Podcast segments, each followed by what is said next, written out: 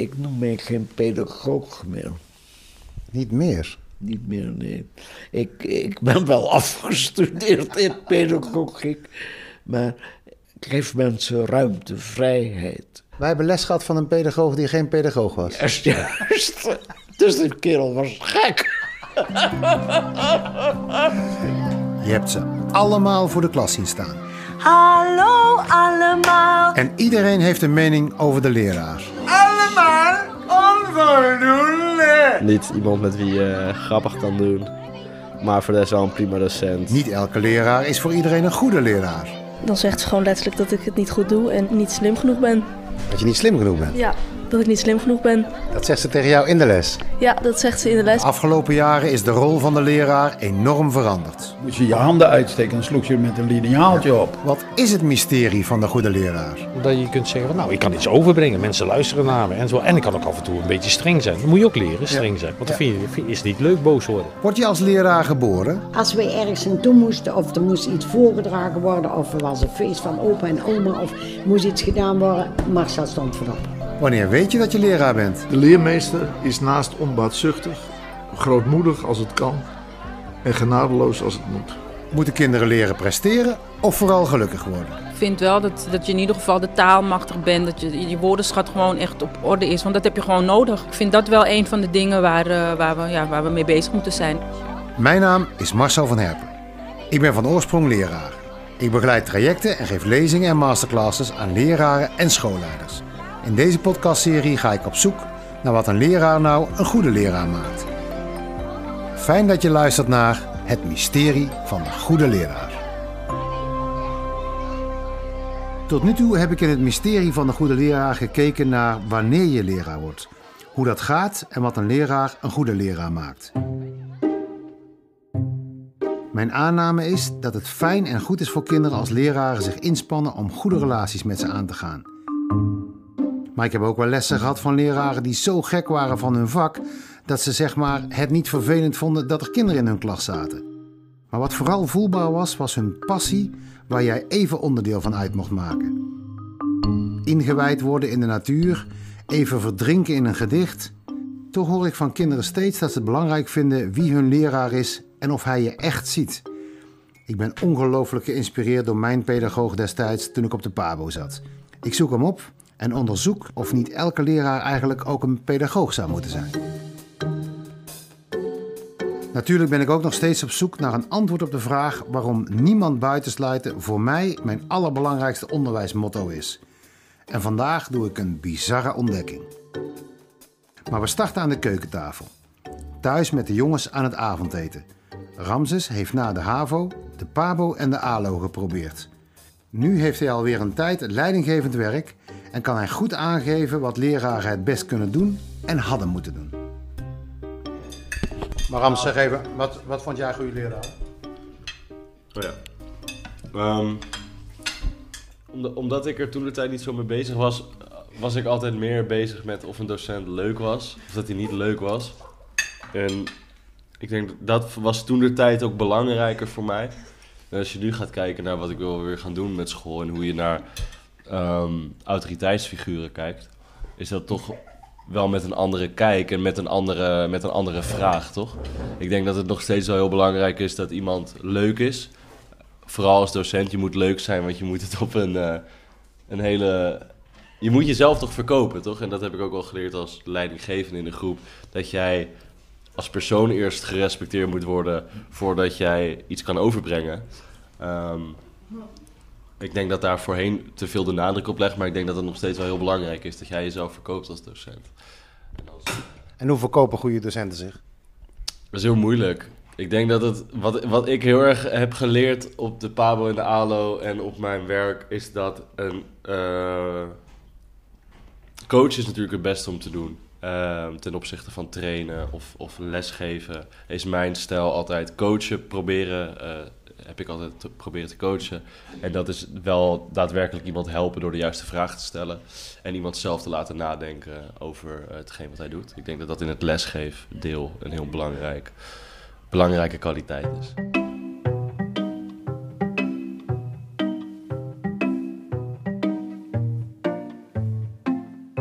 helpen door de juiste vragen te stellen en iemand zelf na laten denken over wat hij doet. Als iemand mij na heeft laten denken, was het Jan van der Krabbe, mijn pedagoog op de PABO. Hij maakte dat ik kinderen heel anders kon gaan zien. Volgens mij zijn slechte leraren leraren die er niet echt zijn, zelfs al staan ze voor de klas. Goede leraren zitten in je hoofd, ook als ze niet aanwezig zijn. Jan zit nog altijd in mijn hoofd. We zitten in zijn huiskamer in een sfeer van rust en tevredenheid, maar onmiddellijk in een gesprek waar het engagement niets heeft ingeboet. Ik heb toen ik, want ik heb best, ik, ik leid daar niet meer onder, maar ik heb best heel veel ellende meegemaakt.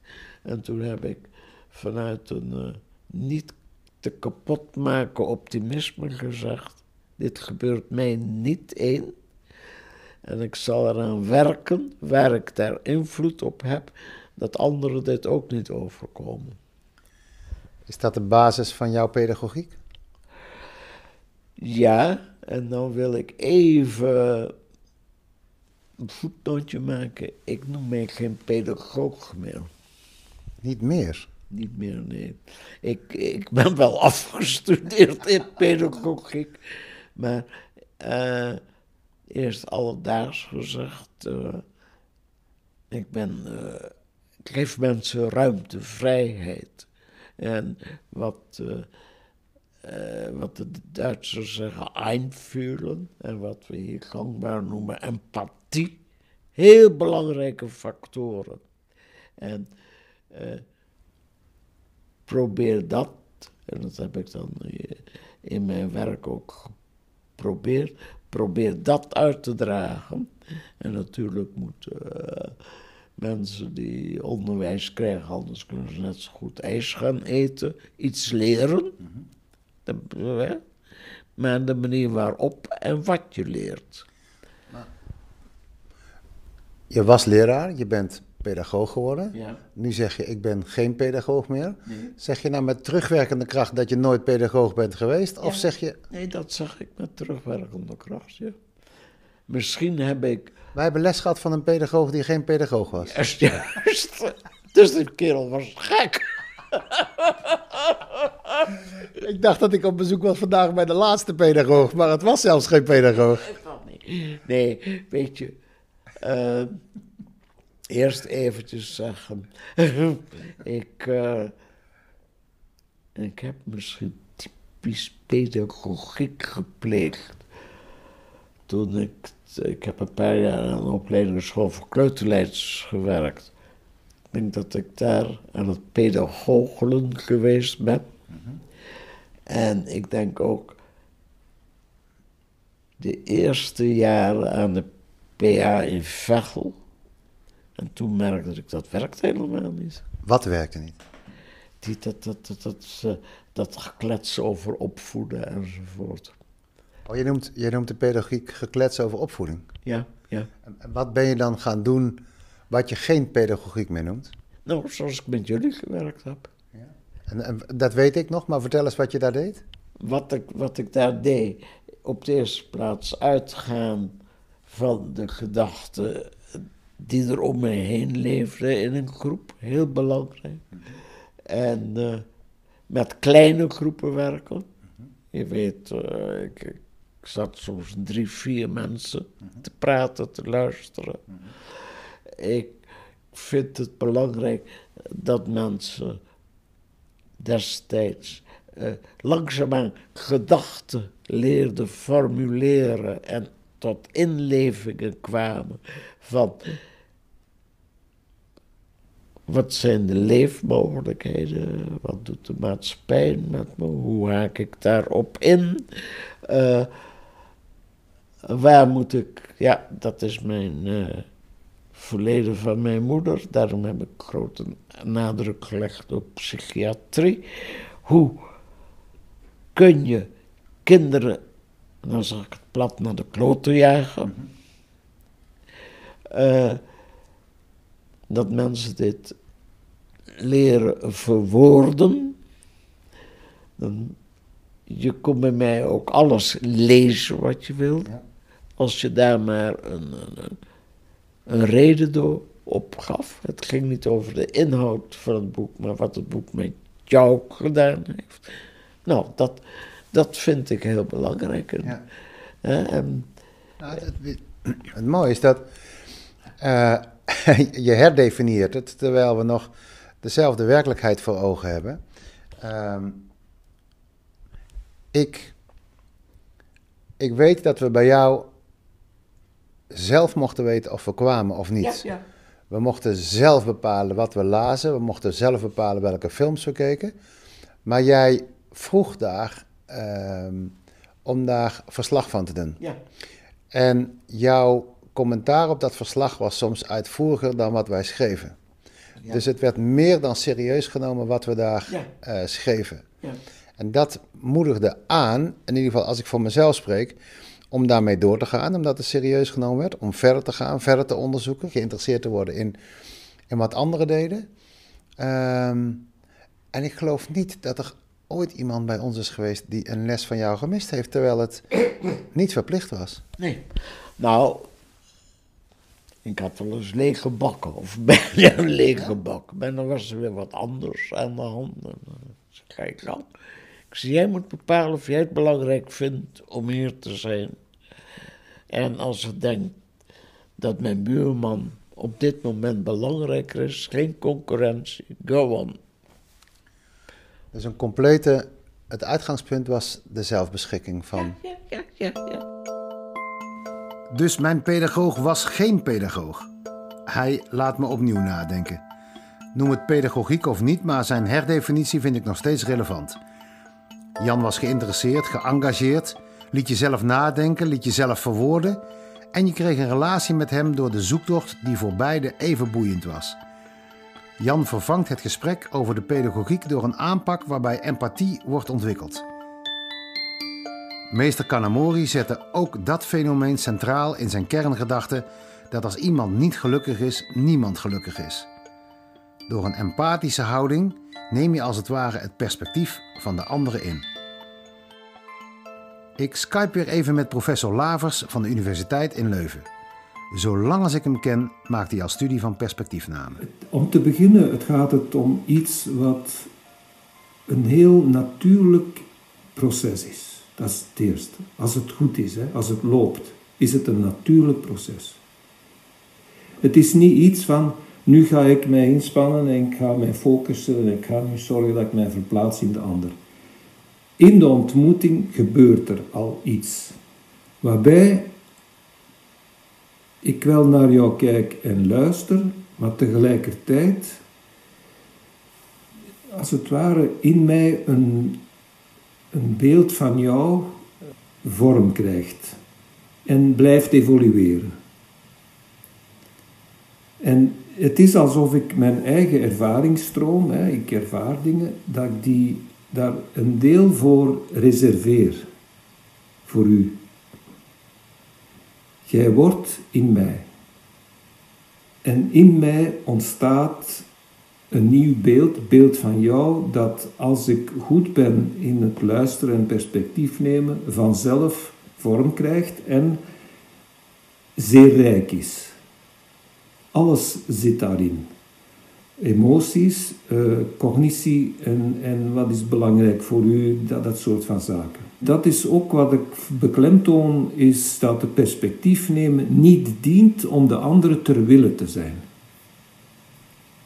Ook al is het een recht van de ander in bepaalde contexten om beluisterd te worden, of geobserveerd en gewaardeerd te worden, een recht. Je doet het niet om de ander ter wille te zijn. Wat je te weten komt, dient om de best mogelijke betekenis voor die ander te kunnen krijgen. Ik bedoel daar eigenlijk mee dat een belangrijk deel van de populatie niet in staat is om zich te verplaatsen in bepaalde soorten mensen of fenomenen in mensen. Of in mensen in het algemeen. Empathie is één, maar een bijdrage leveren is twee. Op sommige plekken ervaar je die noodzaak onmiddellijk. Ons centrum begeleidt al jaren een prachtige school in Amsterdam Zuidoost. Ik tref Roxana, een moeder die klasseassistente werd en doorgaat voor het leraarschap, omdat ze een bijdrage wil leveren. Ik ben uh, Roxana. Ik woon in uh, Amsterdam Zuidoost. Ik heb twee kinderen. Uh, een zoon van 13 die heeft op de, deze basisschool gezeten. En ik heb een dochter van bijna 20. Die heeft op een andere basisschool in Zuidoost gezeten. Dus ja, ik weet wat er hier ruilt en zeilt. Ja, want wat ruilt en zeilt er hier dan? Nou, onder andere tekort, maar ja, kinderen met achterstanden, met bagage. En ja, je hebt gewoon een warm hart voor die kinderen, omdat je gewoon zelf ook, ja, je, je kunt je erin in, in verplaatsen. Hè? Je, je, ja, je hebt er gewoon wel meer feeling mee, zeg maar. Want uh, je bent als ouder uh, hier terechtgekomen met je kinderen op school. Ja. Maar inmiddels uh, ben je hier werkzaam. Hoe is dat gegaan? Nou, ik heb hier uh, twee uh, schooljaren heb ik, uh, de leestrainer gecoördineerd. Dat is eigenlijk ja, een, een, een, een, verijdelde leesmoeder. Maar dat doen ze hier met een systeem, dus dat heb ik gecoördineerd. En dat heb ik twee jaar vrijwillig gedaan. En eigenlijk is het balletje zo gaan rollen, want de resultaten die waren, um, ja, die, die, die, die stegen. En Marijke, die zag, dat is de directrice, die zag, daar, die zag dat ook gebeuren. En zo zijn we in gesprek geraakt. Dus ik, ben, ik ben, werk hier nu als onderwijsassistent en ik doe de PABO ernaast om uiteindelijk ook bevoegd voor de klas te mogen staan. En waarom wil je dat? Nou, gaandeweg merkte ik dat ik. Uh, sowieso vind ik het heel belangrijk dat ik in mijn leven iets doe wat nuttig is en dat er, wat, er, wat ertoe doet. Dus ik heb affiniteit met de zorg en met welzijn en dus ook met uh, ja, uh, het onderwijs. En ik merkte dat, dat je, je ziet de kinderen groeien. Je geeft wat en je, merkt, je krijgt ook wat terug. En ook dankbaarheid en nou, ook andere dingen. Hè. ja, die kinderen zijn uniek en je krijgt gewoon alles mee. En ik vind dat fijn. Ik hou van mensen, ik hou van praten en de interactie. Dus uh, ja, ik voel me ook heel erg op mijn plaats. En ik wilde gewoon toe doen. En dat, uh, ja, ik merk hier dat ik gewaardeerd word. En dat uh, wat, je, wat je doet, dat dat ook uitmaakt voor de kinderen. Want daar doe je het uiteindelijk voor. Wat vind je het allerleukste aan het werken met kinderen?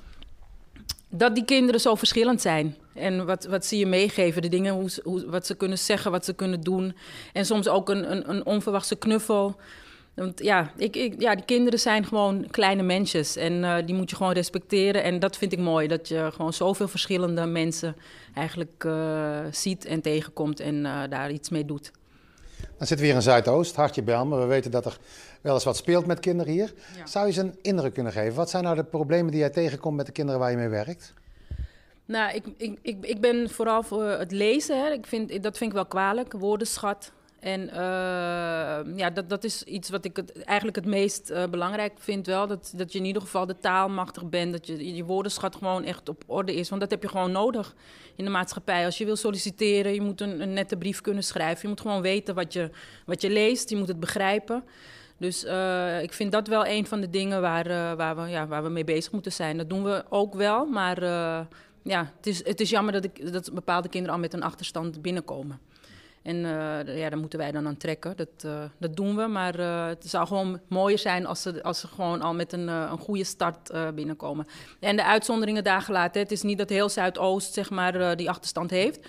Maar ja, je hebt natuurlijk ook kinderen die als nieuwkomers het land binnenkomen. Hè. De ouders die moeten de taal eerst nog machtig worden. En ja, die hebben dan gewoon wel een achterstand op de ouders die wat anders ontwikkeld zijn, zeg maar. Je bent aan de PABO begonnen. Ja. Waarom wil je nou zelf voor de klas gaan staan? Nou, sowieso wil ik altijd groeien hè, in uh, wat ik doe. Ik ben nu als onderwijsassistent bezig en daar leer ik ook heel veel in. Maar uh, ja, als je voor de klas staat, dan is het wel jouw klas. Hè? Je bent wel, uh, want nu heb ik af en toe dat ik dan uh, waarneem. En vaak gaat dat wel goed, maar je kan net een klas hebben die, die je niet accepteert. En dan sta je er misschien twee uur en dan ga je niet met een lekker gevoel weg. Want hè, die klas was op zijn kop of wat dan ook. Dus het is gewoon fijn als je met je eigen klas mee kan groeien. En uh, ik, wil dat, ik wil gewoon ook doorgroeien en dat wil ik ook uh, gewoon uh, meemaken. Een eigen toko, zeg maar. Ja, omdat je gewoon met je kinderen zelf er iets moois van kan maken. En jezelf erin kan... ja, dat je jezelf kan geven aan die kinderen en dat ze dat ook meenemen. En dat je niet maar twee uurtjes even waarneemt en dat, dat dat het is. Nou ja, Marijke heeft ook, zeg maar, mijn talent heeft ze ervaren, gezien. En ja, zij heeft het, het ook in mij gezien. Dus, Want wat is je talent? Uh, nou, ik denk wel mijn overwicht, no nonsense en uh, dat heldere. Ik, uh, en ja, ik kreeg de kinderen wel mee. Want dat als, ja, ik ben als een soort van leesmoeder ingestapt. Maar de kind, ik, ik, ik deed het niet om het lezen. Als je leest, dan moet je ook goed lezen. En als je het niet goed doet, dan hoor je het ook. Ik, ben, hè, ik was er niet om er te zijn, maar ik ben dan ook echt met je bezig. Als je moet lezen, dan wil ik ook dat je dat goed doet. Dus ja, heb Zo het, kijk je eh, er ook bij. Ja, gepassioneerd. Ja, ja.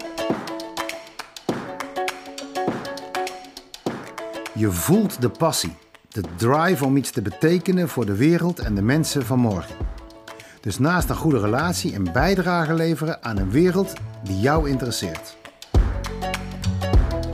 Even terug naar Verre Lavers. Ook hij vindt dat studenten zelf moeten nadenken. Alleen doen ze dat nog maar heel weinig uit zichzelf. Welke voorwaarden moeten aanwezig zijn om een student bijvoorbeeld aan de leraaropleiding gemotiveerd te krijgen? We horen hem opnieuw via Skype. Die opleiding moet, eh, om te beginnen, het is vreemd dat ik daarmee start, maar ik denk dat dat ook aansluit bij wat ik eerder heb gezegd. Die exploratieve ingesteldheid en een absolute gedrevenheid om greep te krijgen op die wereld rondom u, waarvoor je een uiterste fascinatie hebt, is doel nummer één. En vanuit dat doel bekeken, heel beknopt, kan ik zeggen dat we nog een hele weg hebben af te leggen, omdat we net in een omgekeerde richting lijken te ontwikkelen. Uh, ik, ik toets dat geregeld af, ook bij docenten in de lerarenopleiding. De generatie jongeren die we krijgen, binnenkrijgen binnen die, hoge, die opleiding in hogescholen, is er één die belangrijk deel uh, een hoge mate van demotivatie heeft als het op leren aankomt en eigenlijk geen interesse voor de wereld lijkt te hebben. En dan kom ik bij de growth mindset van uh, Carol Dweck, die ik altijd vertaald heb naar uh, openheid voor fascinatie voor de wereld. Voor mij is de kern van de growth mindset dat ik ben niet geïnteresseerd in de eerste plaats in of ik hierdoor zal zijn door het examen. En dus als student zeg ik niet tegen mijn prof, je moet u niet te veel inspannen om ons via allerlei nieuwe methodes actief te laten zijn. Alsjeblieft, laat dat. Wij willen wel duidelijkheid over wat we voor het examen moeten kennen. Dat typeert precies wat ik bedoel met het ontbreken van die, van die openheid, van die exploratieve ingesteldheid, die ik bij zeer jonge kinderen al na drie, vier weken zie het al. Dus dat is een eerste, een eerste gedachtenlijn. Uh, daar moeten we voor zorgen. En dat betekent dat we eigenlijk in een hogeschool moeten beseffen dat we in een soort van context van awakening terechtkomen. Namelijk het terugwekken. Het is er geweest, maar het is weg. Het is ondergesneeuwd. We moeten nu puin ruimen en zorgen dat dat terug tot leven kan komen. En dat zal niet kunnen door hen te zeggen wat ze moeten doen en wat ze moeten lezen of verkennen. We gaan echt moeten zoeken bij elk van die studenten een sfeer, context scheppen, waarin zij geholpen worden om te vinden, is hier iets, in godsnaam, iets, hoe klein dat het ook mag zijn, dat u kan interesseren als je deze krant vastneemt. Iets. Dat mag een sport zijn, dat mag om even wat. En als dat er is, uh, neem het op, verken het, ga erin op en vertel het. Het is niet alleen opzuigen, het is ook, het heeft mij geraakt mentaal. Ik, ik word uitgenodigd in een veilige context om daar iets mee te doen. Dat is de eerste lijn. De tweede lijn is wat ik straks al zei, van uzelf tegenkomen. Wie ben ik eigenlijk? Wat vind ik belangrijk? Wat vind ik uh, ethisch gesproken fundamenteel? Waar wil ik zeker voor staan? Uh, wat maakt mij zorgen? Waar gaat, waar gaat die wereld naartoe en waar was mijn plaats daarin? Wat zijn de dingen die bij mij hmm, het moeilijk maken om, om te doen wat ik eigenlijk wil? Wat zijn, wat zijn ja, mijn handicaps? Maar ook wat zijn mijn talenten? Waar ben ik sterk in? En eigenlijk is het bijna zonde dat je dat op de agenda moet plaatsen van een hogeschoolopleiding voor een leraar. Want het werk zou eigenlijk al gebeurd moeten zijn. In de fase daarvoor.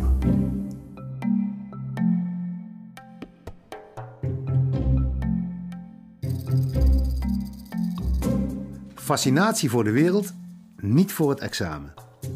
Laver zegt het hier goed: een klein kind heeft van nature exploratiedrang. Maar is ons onderwijs ingericht op het bevorderen van dat basismechanisme? Hoe zat het eigenlijk bij mij? Ik duik in de periode dat ik zelf nogal wat exploratiedrang had. Dus duik ik ook even in mijn oude rapportjes van mijn lagere school. Het valt me op dat iedere leraar zo'n beetje dezelfde opmerking maakt over mijn gedrag. Druk, druk, druk. Terwijl ik mezelf helemaal niet als een druk kind herinner. Ik ben benieuwd wat zij zich nog herinneren. Ik maak een rondje en begin bij mijn leraar van de vijfde klas, meneer Van den Burgt. Ik vraag hem mijn rapport voor te lezen. Hij heeft het zelf geschreven. Over mij. Vrij druk, meent overal iets op te moeten leggen, is nogal snel afgeleid tempo.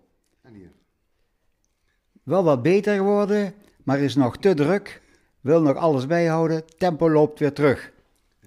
Blijf druk, belangstelling, met een vraagteken, blijft beter bij wat betreft tempo, verder goed.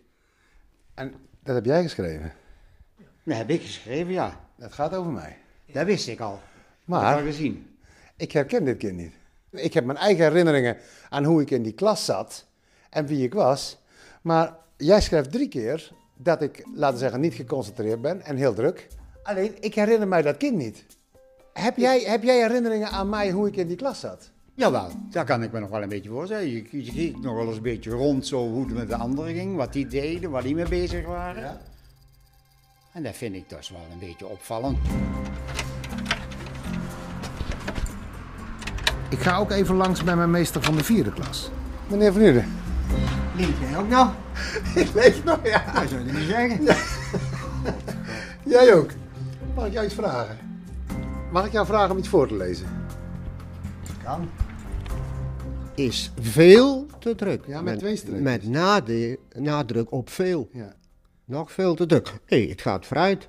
En hier? Blijft veel te druk. En hier?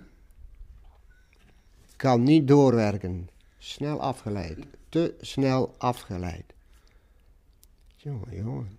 Schrik ervan. Vlug afgeleid. Als ik dit nu zo zie, Ja. Zou ik het zo niet meer geschreven hebben. Zoals ik het nu zie. Wat zou je nou geschreven hebben? Eh ingekort, hier staat bijvoorbeeld, is veel te druk. Druk eh, geef je het eigenlijk al aan. En bij veel eh, nog een keer en dan dubbele twee streepjes erop. Dus onder dan drie keer aangegeven. Dus dat is wel heel veel. Het lijkt ook wel alsof je Dan hier zou toch... ik het bijvoorbeeld nu neergezet hebben, is regelmatig te druk. Zoiets bijvoorbeeld. Dan naar juffrouw Els van de eerste klas. Hey, juffrouw Els. Dit gesprek verloopt anders dan ik had kunnen dromen. Storend, snel afgeleid, normaal. Werkverzorging. Blijven oefenen bij lezen en beter doorwerken bij rekenen. En hier? Eh, het gedrag normaal, snel afgeleid, de concentratie en matige werkverzorging. Blijven oefenen. Dus dit heb jij geschreven. Ja, dat heb ik geschreven. Eh, maar ik kan, in alle eerlijkheid, mij zo als kind niet herinneren. Dus weet jij nog, heb jij nog een herinnering aan, aan hoe ik in die klas zat? Waarom je dit opgeschreven hebt? Nou, in die tijd was het klassikaal onderwijs. Dus als ik praatte, dan was het de bedoeling dat iedereen luisterde en goed meedeed. Dat was voor jou gewoon heel moeilijk. En daardoor heb ik jou ook wel eens met stoel en tafel op de gang gezet, omdat het gewoon heel druk was. Heb je mij op de gang gezet? Ik heb jou op de gang gezet. Daar weet ik echt helemaal niks meer van. Vertel eens, wat weet je daar nog van? Nou, dat ik echt stoel en tafel oppakte en dat Gerard Bart op een gegeven moment lag kwam. Ik zeg, ja, die kan ik dus echt niet meer in de klas hebben. Nou, het is zo storend, ik kan gewoon niet doorgaan met de les. Ik herinner me dat nog steeds. Ik denk, oh. Maar vertel eens, wat gebeurde dan? Want... Nou, dan ging je daar zitten werken. Ja, maar waarom, heb je, waarom zet hij mij eruit? Omdat ik niet door kon met mijn les en dat er gewoon niet geluisterd werd. Jij draaide alle kanten uit en je kon niet op je stoel blijven zitten en je, je praatte alle kanten uit. Jij was gewoon heel druk. ADHD heet dat tegenwoordig. En Ik ging dus zo lang door, of ik ging zo ver, dat jij echt gewoon mijn tafeltje oppakte. Ah. Dit heb ik echt nog nooit gehoord. Serieus niet? Nee. Ja, ik, heb, ik zie het zo nog voor me. Ik zie in die eerste klas, hup, deur open. En daar maar zitten met de rug naar de klas. En daar maar zitten werken, op de gang. Dat heb ik echt nog nooit gehoord. En ik heb hier ook Nul herinnering aan. Oh, dat is wel heel bijzonder. Want als- ik aan jou denk, dan denk ik ineens van... Oh god, die heb ik toen op de gang gezet. Dat was echt niet ervaringsgericht. Nou, ik zou je zeggen wat, wat, me, wat me nu te binnen schiet. Ik ben, ik ben laten we zeggen, mijn, mijn, mijn opdracht in het onderwijs, mijn pedagogische opdracht... We zeggen altijd vanuit de hechtingstheorie, maar eh, is door het werken van mijn kinderen altijd geweest... Dat ik, dat ik het niet verdraag als kinderen worden buitengesloten. Dus waar ik ook gewerkt heb, dat is... en ik heb oprecht ehm, nooit eh, eh, geweten waar dat vandaan komt. Ik zeg niet dat het dit is, maar ik heb, ik heb vanuit mijn biografie eigenlijk nooit begrepen hoe dat kan. Omdat ik heb me nooit buitengesloten gevoeld. Echt buitengesloten gevoeld. En ik heb ook nooit het idee gehad dat ik echt kinderen heb buitengesloten of zo. Maar dus, Dat heb ik dus ehm, maar ja, het, het, het komt dus door jou. Ja, maar heb jij enig idee hoe dat voor mij was? Ja, jij ging daar gewoon. Hup, ga maar zitten. Ik ging er ook gewoon zitten. Ja. En, en... Er was geen discussie over mogelijk. Dat was toen nog. Als die heeft dat zei, dan deed je dat. Soms. Maar ik vind het wel leuk dat dit bij allemaal staat. Bij iedereen. Kijk, hier liggen die andere rapportjes. En, en bij alle, alle rapporten hier staat... Nog veel te druk. Te druk, Ja. veel te druk, Storend. Overal, iedereen. Nou, dit, dit, is, dit is de foto hier. Ja, ja. oh. Met je parelketting. ja, ik heb hem nog aan, hè. Heb je, heb je enig idee waarom ik zo druk was? Ik denk dat eh, de stof voor jou eh, de peanuts was en dat je dacht van, ja, moet ik me eigenlijk daar echt druk om maken? Dat komt dan toch wel. Daar zag je ook helemaal niet in zitten, denk ik. er zat zoveel adrenaline in jou die niet eh, beantwoord werd in het systeem. Jij had, jij had zoveel, zoveel eh, energie die je niet kwijt kon door het klassikale systeem, waardoor je dus moest gaan zitten met 40 jongens in de klas en moest luisteren als de juffrouw zei dat je moest luisteren. Ja, en ik was verliefd op jou. Dat weet ik niet. Nou, alle jongens waren natuurlijk verliefd op jou. ik, ik had echt het idee dat we allemaal verliefd waren op jou. Ja. Maar gewoon, dat was, het was... Ik weet wel, ik ben dit jaar getrouwd, dat er een aantal boos waren op Hans. Dat, dat- die met mij trouwde. Ja, maar dat gevoel ken ik, ken ik ook nog. De juf waar ik verliefd op was, heeft me met tafel en stoel de klas uitgezet. Ik kan dit bijna niet geloven. Els, dankjewel. Krijg je dit nog ooit te zien, te horen? Ja, ja, ja, ja, dat krijg je te horen. Dus als het klaar is, ga, ik- ga je me nou weer buiten zetten? dankjewel. Graag gedaan. En, eh, Ik vond eh, toch verrassend, ja, en om te horen dat er eh, een aantal dingen waar ik mee zit, bij wijze van spreken, dat jij daar niet mee zit, gelukkig. Nou, hopelijk is het voor jou ook goed geweest. Zeker weten. Dankjewel. Doeg. Tja, daar sta je dan. Alsof je weer even de klas bent uitgestuurd.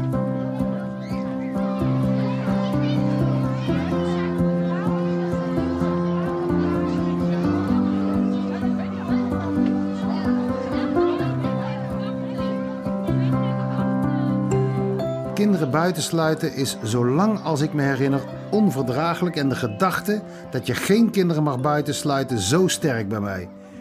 Maar het gevoel van zelf op de gang gezet te zijn, met tafel en stoel, met de rug naar de klas, komt maar niet terug. Alsof het niet gebeurd is.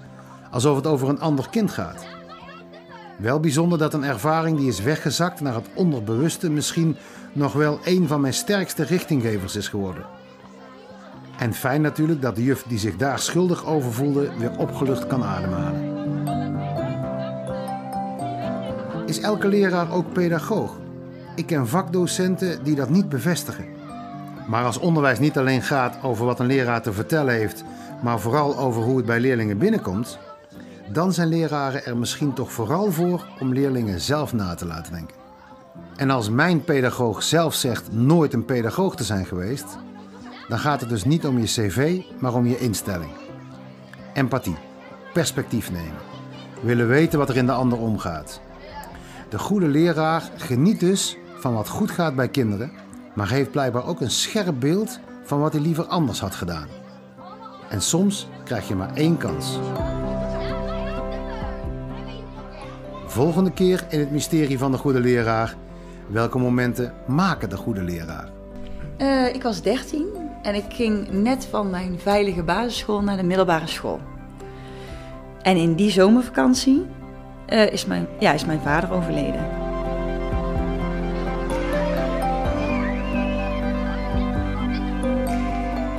Dit was de vijfde aflevering van het mysterie van de goede leraar. Ik maak deze podcast samen met Jan Peels en Annemarie van Oosteren. Als je geen aflevering wilt missen, abonneer je dan. Reviews en sterretjes zorgen ervoor dat anderen deze podcast makkelijk kunnen vinden. Vragen, opmerkingen en je eigen ervaringen kun je delen op ons podcastplatform op www.centrumpedagogischcontact.nl/podcast. Graag tot de volgende aflevering.